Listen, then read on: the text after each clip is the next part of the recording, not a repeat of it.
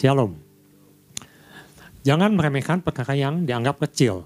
Ini diambil dari Yosua pasal 7 ayat 3. Kita sudah mendengar beberapa hari ini bahwa ternyata ketika Yosua menyerang Ai, kota yang kecil. Nanti kita bisa lihat kira-kira berapa banyak prajurit yang ada di Ai itu. Atau jumlah penduduk kota Ai itu. Suatu yang dianggap kecil oleh pengintai. Tentunya ini Bapak Gembala sudah jelaskan, pengintai bukan orang yang biasa-biasa. Orang yang punya kualitas dan dia menyimpulkan. Cukup. 3.000 orang kirim. Tetapi kita mencatat sesuatu yang kecil ini bisa mengalahkan atau melemahkan orang Israel yang berjumlah hampir jutaan itu. Jadi kita perlu berhati-hati tentang hal yang sesuatu yang mungkin sesuatu yang kecil, tetapi ini berpengaruh besar dengan kehidupan kita. Memang kadang-kadang sesuatu yang kecil ini kita anggap sepele, kita anggap biasa. Contohnya di Indonesia ini sesuatu yang kecil mengenai waktu. Orang Indonesia sangat terkenal di sini dengan sebutan jam karet. Jadi molor, janji jam 7 datang jam 8. Sebenarnya dianggap biasa di sini. Tetapi coba kalau ibu bapak saudara ketemu dengan orang Jepang, Oh itu berbeda sekali. Kalau mereka janji jam 8, kita jam 8 belum datang mereka sudah cemberut. Karena mereka punya kebudayaan yang berbeda. Bagi mereka waktu itu sangat penting. Tepat waktu. Itu yang mereka lakukan. Jadi kita ini sering melakukan hal-hal yang kita anggap remeh. Kita anggap gampang. Tetapi yang menjadi masalah kalau kita berhadapan dengan Tuhan. Tuhan anggap ini sesuatu yang penting, sesuatu yang besar tapi kita anggap kecil. Seperti apa yang dilakukan orang Israel. Ya, anggap kecil, anggap remeh. Sehingga Tuhan katakan, Tuhan tidak menyuruh menyerang kota Ai dengan cara seperti itu. Dan mereka baru disadarkan kembali, ada sesuatu. Ternyata yang mereka anggap kecil tetapi itu terselubung atau belum disingkapkan. Mengapa mereka bisa kalah saat itu? Tuhan Yesus sendiri sering mengatakan sesuatu yang kecil tapi penting seperti contohnya ragi. Karena ragi ini kalau sudah masuk dalam satu adonan, maka semuanya akan berubah. Hanya satu hal yang kecil bisa merusak semuanya. Tuhan Yesus juga sering memakai kata benih, sesuatu yang kecil. Tapi kalau ditanam jadi sesuatu yang besar, sesuatu yang pohon yang bisa menaungi burung-burung. Jadi kecil ini memang sesuatu yang perlu kita perhatikan khususnya di pesan Tuhan kalian nih. Jangan sampai kita luput memperhatikan hal yang kecil ini. Mari kita lihat Simpson, seorang yang luar biasa kuat. Bagaimana, bagaimana dia bisa jatuh? Apakah ketika dia melawan disebut yang dicatat dalam Alkitab seribu orang Filistin, semua dibabat habis hanya dengan pakai tulang rahang keledai habis seribu orang dengan lawan satu orang. Tetapi kita tahu dan kita sadar Simpson itu jatuh di tangan satu orang perempuan yang mungkin kekuatannya tidak seperseribu Simpson. Perempuan yang bernama Delilah. Bagaimana dia menggunakan tipu daya. Dan itu bisa menghancurkan Simpson. Seorang pahlawan yang begitu kuat dan mungkin sampai saat ini kita belum bisa menemukan orang yang sekuat Simpson. Seperti yang dicatat Alkitab. Begitu luar biasa. Jatuh di tangan seorang perempuan yang lemah, yang dianggap kecil, yang dianggap ah tidak ada apa-apanya. Nah, pagi hari ini kita akan sama-sama belajar. Ternyata ada hal-hal penting yang menurut Tuhan ini penting, yang kita harus pegang atau kita lakukan. Yang pertama, saya beri judul perkara yang dianggap kecil atau perkara kecil bisa menghancurkan keluarga perkara yang kecil bisa mengacaukan keluarga. Keluarga di sini menyangkut keluarga besar, keluarga kecil, atau semua keluarga. Dasarnya saya ambil dari Yosua pasal 7 ayat 1. Disuruh katakan, tetapi orang Israel berubah setia dengan mengambil barang-barang yang dikhususan itu. Karena Akhan bin Karmi bin Sabli bin Serah dari suku Yahuda mengambil sesuatu dari barang-barang yang dikhususan itu.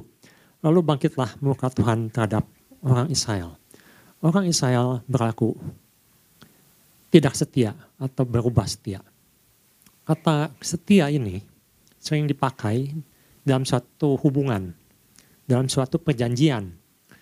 Khususnya kalau kita berhadapan dengan Tuhan, kata setia ini, itu menyangkut ada beberapa hal. Misalnya tentang hubungan antara perjanjian Tuhan dengan umatnya, tapi ini juga menyangkut tentang ada hubungan dengan persatuan dan juga suatu kekudusan. Jadi ini menyangkut suatu hubungan antara dua pihak. Kita lihat di sini, orang Israel berlaku tidak setia kepada Tuhan. Artinya bangsa Israel mengingkari perjanjian dengan Tuhan. Nah kita lihat apakah Tuhan sudah mengadakan perjanjian sebelumnya dengan orang Israel mengenai hal ini. Kita lihat di Yosua pasal 6 ayat 18-19. Yosua pasal 6 ayat 18, 19 jelas sekali di situ dikatakan, tetapi kamu ini jagalah dirimu terhadap barang-barang yang dikhususkan untuk dimusnahkan Supaya jangan kamu, kamu mengambil sesuatu dari barang-barang yang dikhususan itu. Setelah mengkhususkannya dan dengan demikian membawa kemusnahan atas perkemahan orang Israel dan mencelakakannya. Segala emas dan perak serta barang-barang tembaga dan besi adalah kudus bagi Tuhan. Semuanya itu akan dimasukkan ke dalam pembenaran Tuhan. Jadi jelas sekali, sewaktu Tuhan menyuruh Yosua waktu itu menyerang Yeriko, ada deal dulu. Ada perjanjian dulu antara Tuhan dengan orang Israel. Tuhan katakan semuanya itu milik Tuhan. Ada barang-barang yang ditumpas, ada barang yang dikhususkan untuk Tuhan. Nah kita lihat kejadian ini. Ada satu perjanjian dan Tuhan katakan engkau tidak setia. Dan akan melakukannya. Kita akan lihat bahwa ketika akan melakukan ketidaksetiaan kepada Tuhan, ada sesuatu yang dibawa atau yang tersangkut atas perbuatannya itu. Memang di Alkitab tidak dicatat, tetapi kalau kita perhatikan, ada kemungkinan besar akan ini adalah seorang prajurit. Prajurit yang ikut menyerang Jericho. Ada di front, front depan.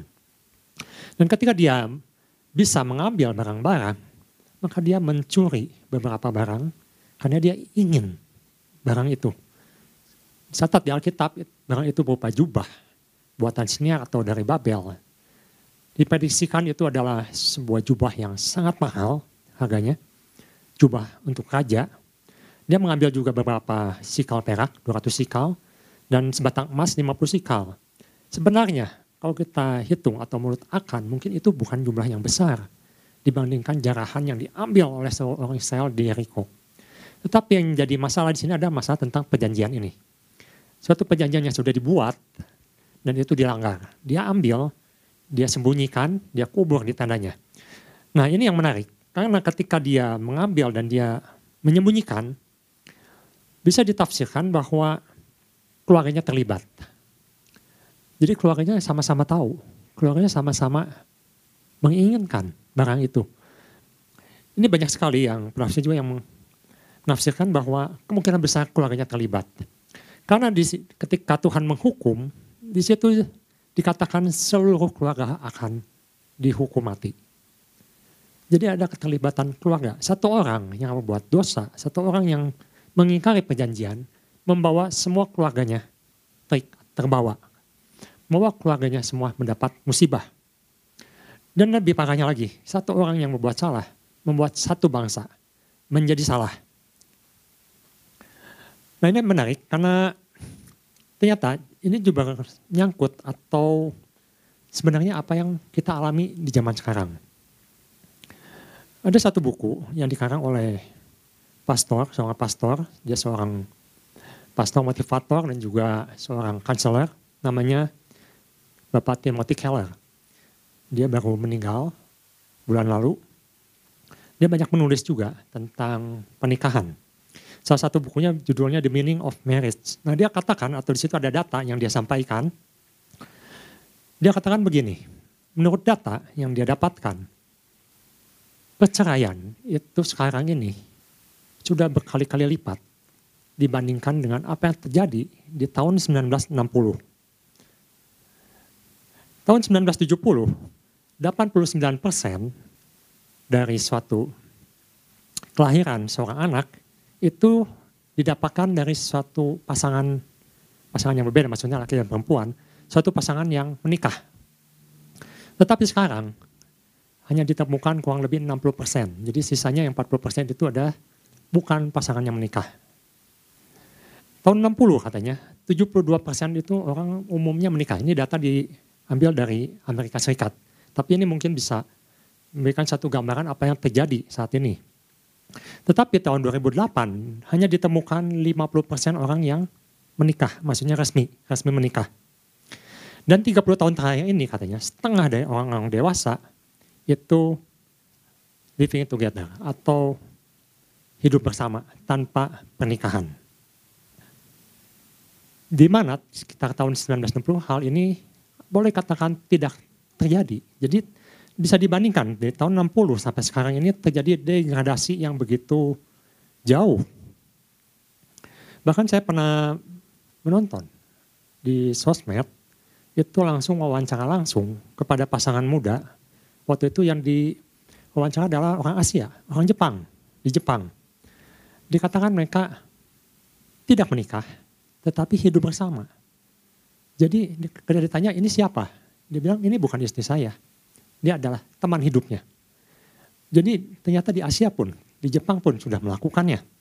Nah ini menjadi sesuatu yang berbahaya karena dia orang mungkin sekarang banyak juga anak-anak muda yang berpikir mereka melihat tuntutan zaman, mereka takut, takut untuk menikah. Sehingga semua pemerintah saat ini sudah berlomba-lomba supaya anak-anak muda ini mau menikah dan mempunyai keturunan karena sekarang mulai menurun populasinya. Sedangkan untuk masa depan diperlukan populasi anak-anak muda yang meneruskan. Termasuk Jokowi, Jokowi juga menggalakkan supaya anak-anak muda menikah, berkeluarga. Bahkan di China sekarang dia punya policy satu keluarga boleh punya tiga anak, bahkan disarankan tiga anak. Bertentangan sekali dengan beberapa puluh tahun yang lalu, maksimal satu anak. Maksimal, sekarang dianjurkan satu keluarga tiga anak. Jadi boleh katakan kalau kita baca di media disebut dengan resesi seks. Saya pikir dulu resesi seks itu orang sudah tidak ada kemauan untuk kelawan jenis ternyata pengertiannya berbeda. Jadi yang terjadi saat ini adalah mereka tetap melakukan seks secara jasmani, tetapi tidak mau diikat oleh suatu perjanjian, tidak mau diikat oleh sesuatu hubungan resmi. Saya yakin kalau anak-anak Tuhan saat ini masih rindu diberkati di gereja, melakukan atau membina satu hubungan keluarga yang diberkati oleh Tuhan tapi sesuatu yang diikat atau diberkati itu punya satu perjanjian. Nah ini yang zaman ini sudah mulai ditinggalkan. Terutama oleh orang-orang dunia. Mereka tidak mau diikat. Bahkan mereka tidak mau punya anak. Tidak mau diikat oleh keluarga.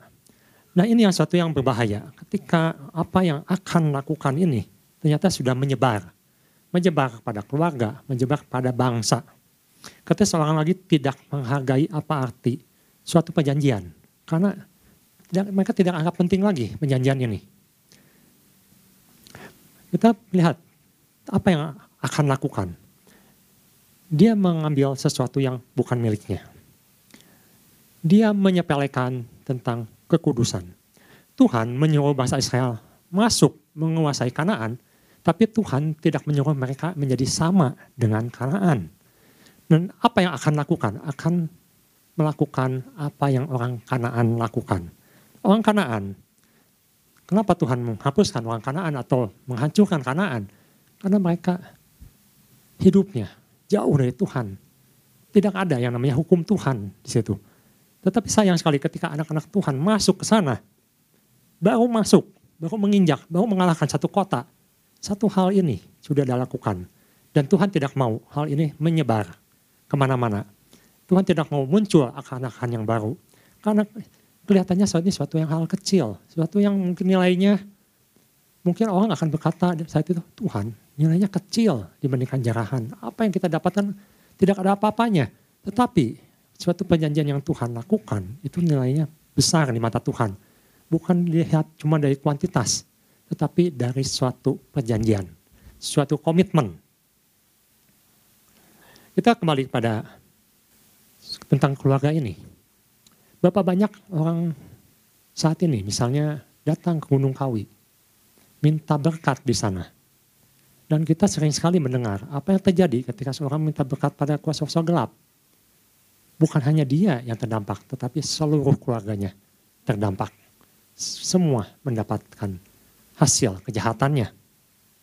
Nah kita perhatikan kalau sesuatu yang kita, mungkin kita anggap kecil atau anak-anak muda sekarang mungkin ya banyak yang berpendapat seperti itu karena ini sudah merupakan satu tren sekarang.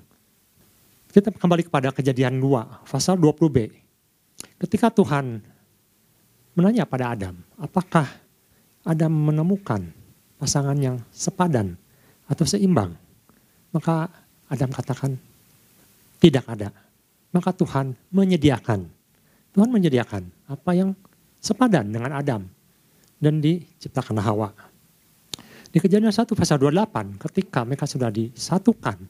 Maka Allah di situ katakan memberkati mereka. Ada satu ikatan. Ada suatu perkawinan yang kudus antara Adam dan Hawa. Jadi di sini Tuhan menekankan ada sesuatu yang kecil yang mungkin tidak dianggap di sini, yang agak kurang diperhatikan oleh orang Israel. Itu mengenai satu perjanjian, kedua mengenai satu kekudusan satu pemisahan di mana Tuhan ingin memisahkan umatnya dengan dunia. Memang mereka masuk menguasai suatu negara, suatu wilayah yang luar biasa. Tetapi Tuhan tidak mau mereka masuk di dalamnya, hidup di dalamnya. Karena itu Tuhan di sini sangat jelas mengatakan kamu bukan kanaan. Kamu masuk kanaan. Dan kamu mempunyai perjanjian. Ada hal-hal yang harus diperhatikan. Yaitu mengenai perjanjian, mengenai kekudusan dan mengenai persatuan. Karena apa yang mungkin kita lakukan sesuatu yang kecil, tapi itu jahat di mata Tuhan, itu akan berdampak, itu akan menyebar, itu akan mempengaruhi, terutama keluarga kita, bahkan jemaat, bahkan bangsa. Karena itu, Tuhan Yesus selalu mengingatkan bagaimana bahayanya ragi itu, walaupun kecil. Tuhan Yesus selalu mengingatkan, hati-hati dengan ragi orang Farisi hati-hati dengan lagi orang ya orang ahli Taurat karena apa yang mereka lakukan itu bisa merusak semua bangsa dan Tuhan ingatkan kembali jangan anggap sesuatu yang kecil itu tidak ada apa-apanya. Kalau kita dilihat di keluaran pasal 23 ayat 1 dan 2 sebenarnya Tuhan juga sudah mengingatkan bangsa Israel itu jauh-jauh hari sebelum Yosua masuk ketika masih zaman Musa waktu itu. Keluaran pasal 23 ayat 1 dan 2 dikatakan Janganlah engkau menyebarkan kabar bohong. Jangan engkau membantu orang yang bersalah dengan menjadi saksi yang tidak benar.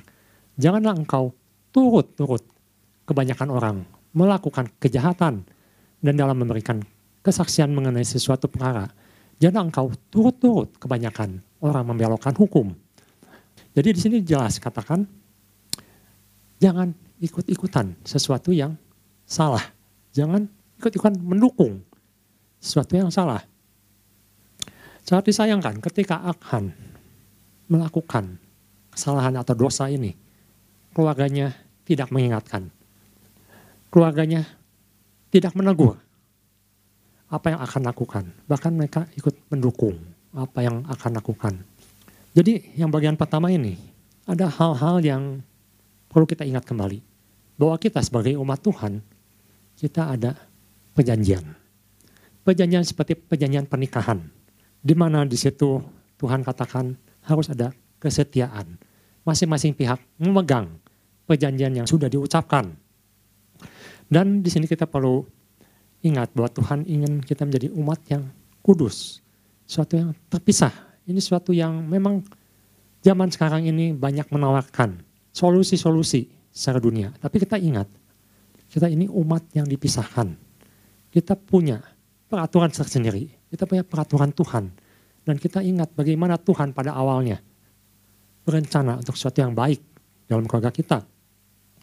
Dan kita juga harus mengingat, satu orang berbuat, maka orang lain terdampak.